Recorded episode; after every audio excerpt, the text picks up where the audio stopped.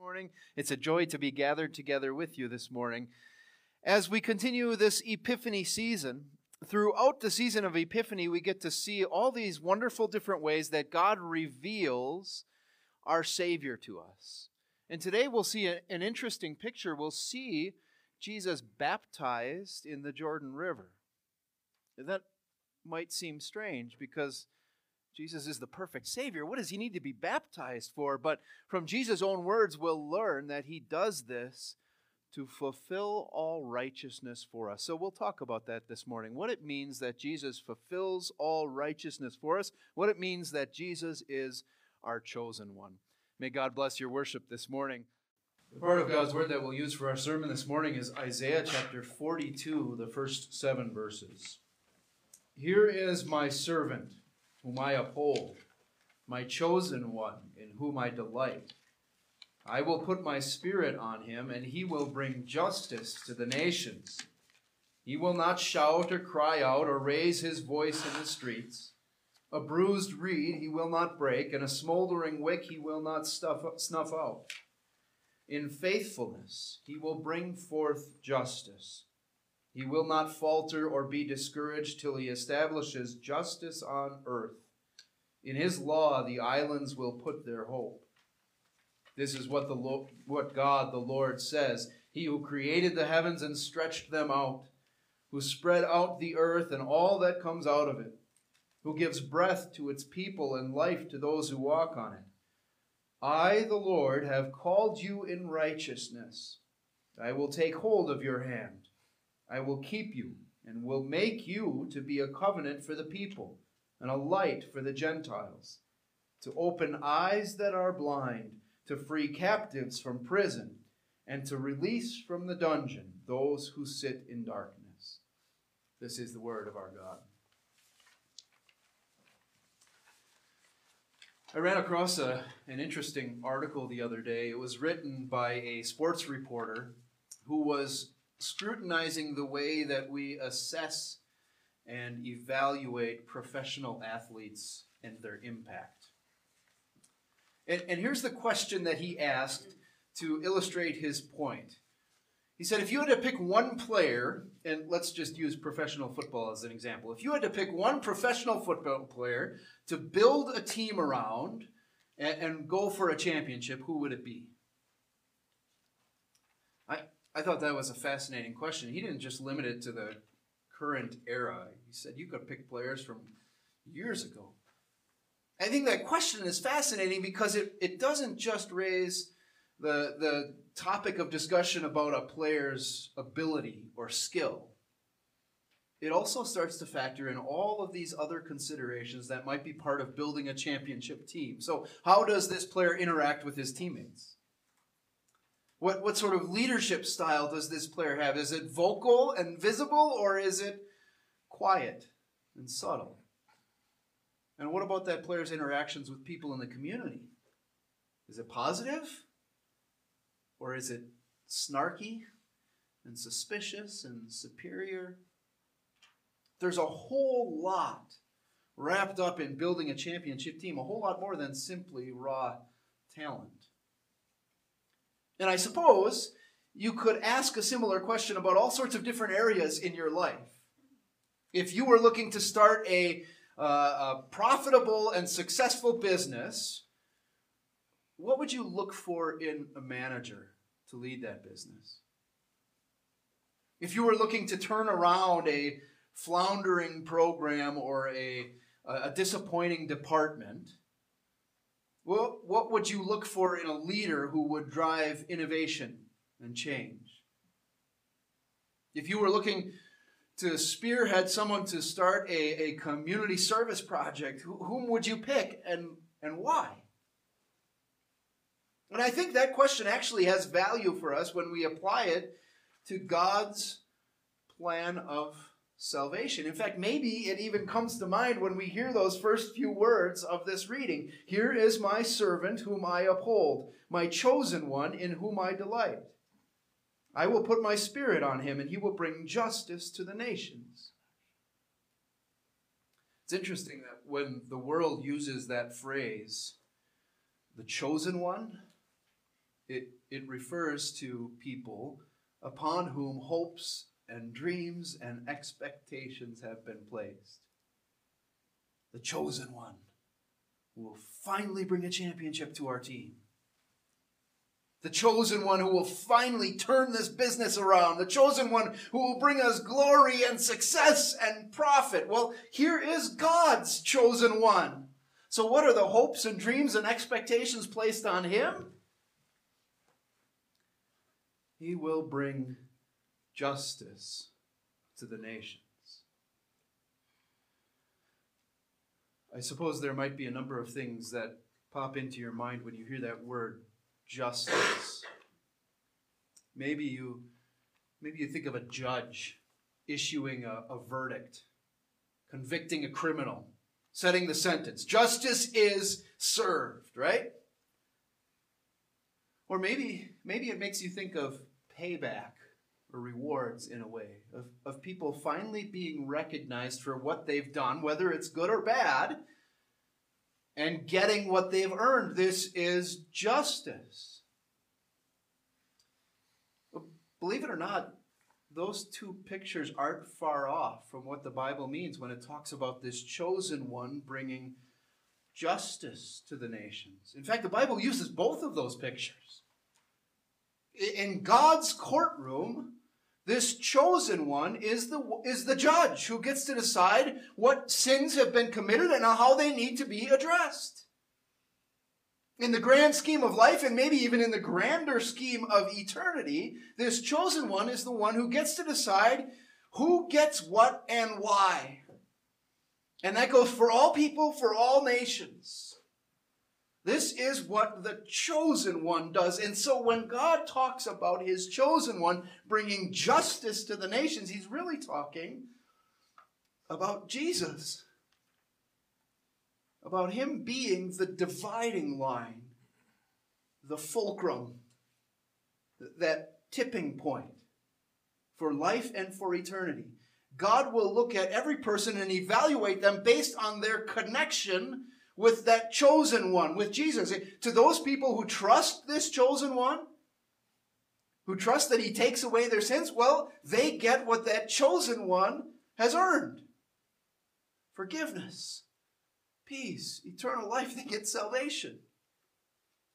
To those who reject that chosen one, who think he really didn't do anything, who think he's, he's just another ordinary guy or he's a he's a myth, he's a fairy tale, he's a crutch.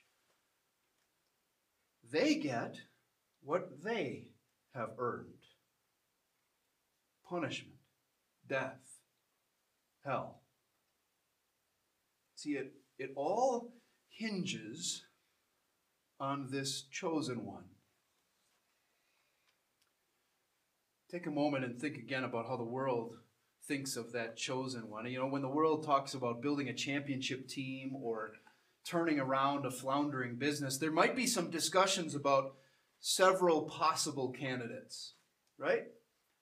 Maybe there's more than one way to get the job done. Maybe there's there's more than one candidate that can get the job done. But when it comes to God and his bringing justice to the nations, there is no other way there is no other solution. There is no other fit for these perfect demands. There is no one else. There are no other options. This chosen one is the only one.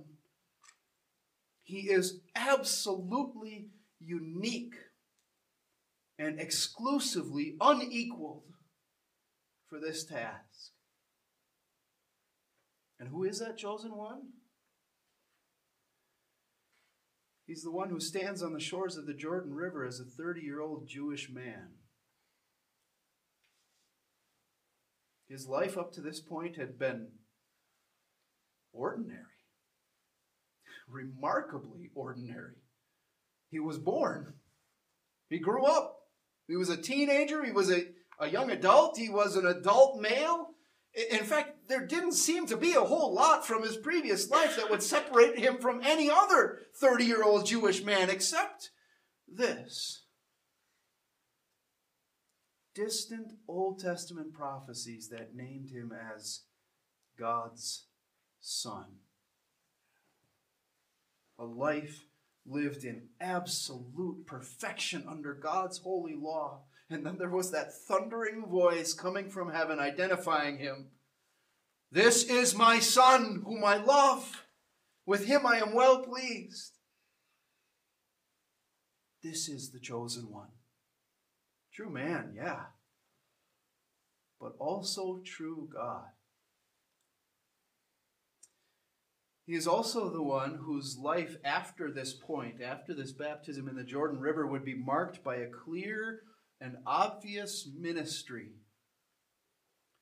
He had a purpose. He preached. He taught. He gathered followers to himself. He was seen as a wise and influential person, and yet the way he carried out this ministry would be dramatically different than what the world expected. Listen to how Isaiah talks about this. He says, Here is my servant whom I uphold. He will not shout or cry out or raise his voice in the streets. A bruised reed he will not break, and a smoldering wick he will not snuff out. In faithfulness he will bring forth justice. He will not falter or be discouraged till he establishes justice on earth. In his law the islands will put their hope the chosen one's ministry would be defined by service, not selfishness. He wouldn't seek to gain glory for himself or to draw attention to his name. He wouldn't trample on other people in order to build a platform or to feed a movement. No, instead, he would quietly heal the broken and shelter the weak. And he would bring hope to the world, a light for all people. And he would do this by living a perfect life and suffering a willing death. So, this is the chosen one. Great deliverer, absolutely, but also humble servant. And he's also the one who, as the anointed Savior, as the great deliverer, had all power and all authority to do whatever he wanted. He lacked nothing. He was true God. And yet he is also the one who, at his baptism in the Jordan River, was willing to be identified and equipped and strengthened. Maybe you noticed this in our readings this morning. Did you? Did you catch it in the gospel where it described the Holy Spirit coming on Jesus, descending on him like a dove? In that reading from Acts, we heard Peter describe Jesus as being anointed with the Holy Spirit and with, with power. And we get the same thing in our reading here from Isaiah. Here is my servant, whom I uphold, my chosen one, in whom I delight. I will put my spirit on him, and he will bring justice to the nations. And then in verse 6, God says, I, the Lord, have called you in righteousness. I will take hold of your hand. I will keep you and will make you to be a covenant for the people and a light for the Gentiles. The true God, who had all power and all authority, willingly submitted himself to God the Father's plan.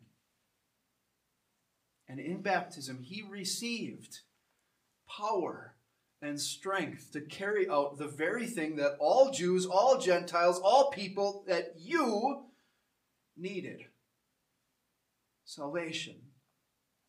This is the chosen one. Perfectly capable, absolutely, yes, but also perfectly willing to be strengthened. This is your chosen one. This is the one you need.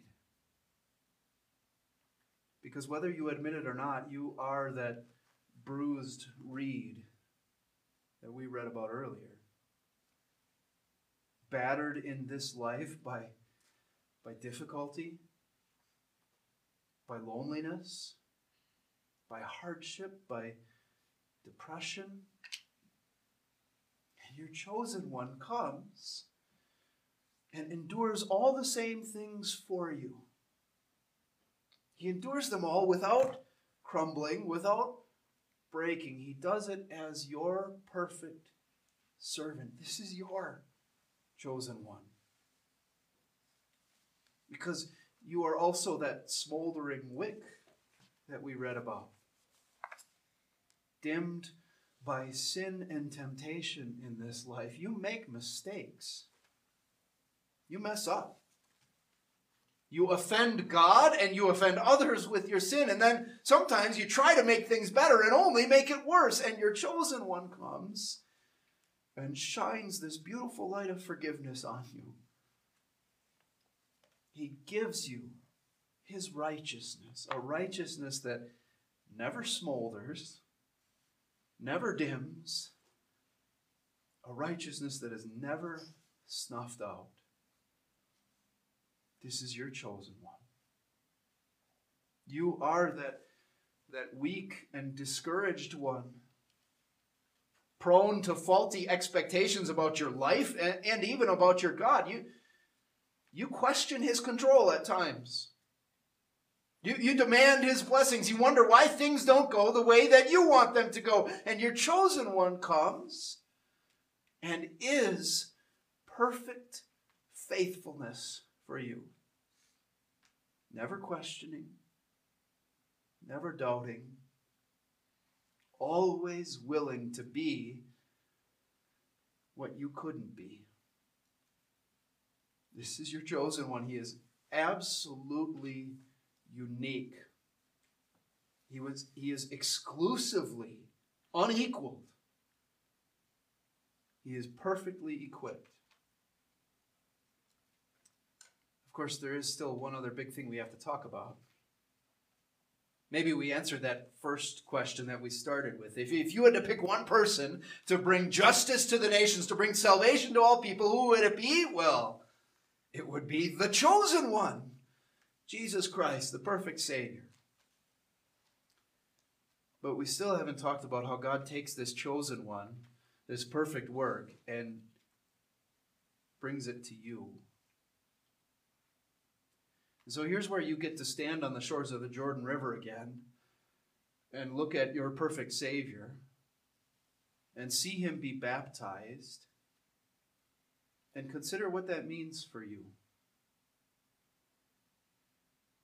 And as you do that, don't just look at the waters of the Jordan River. Also look at these waters flowing right here.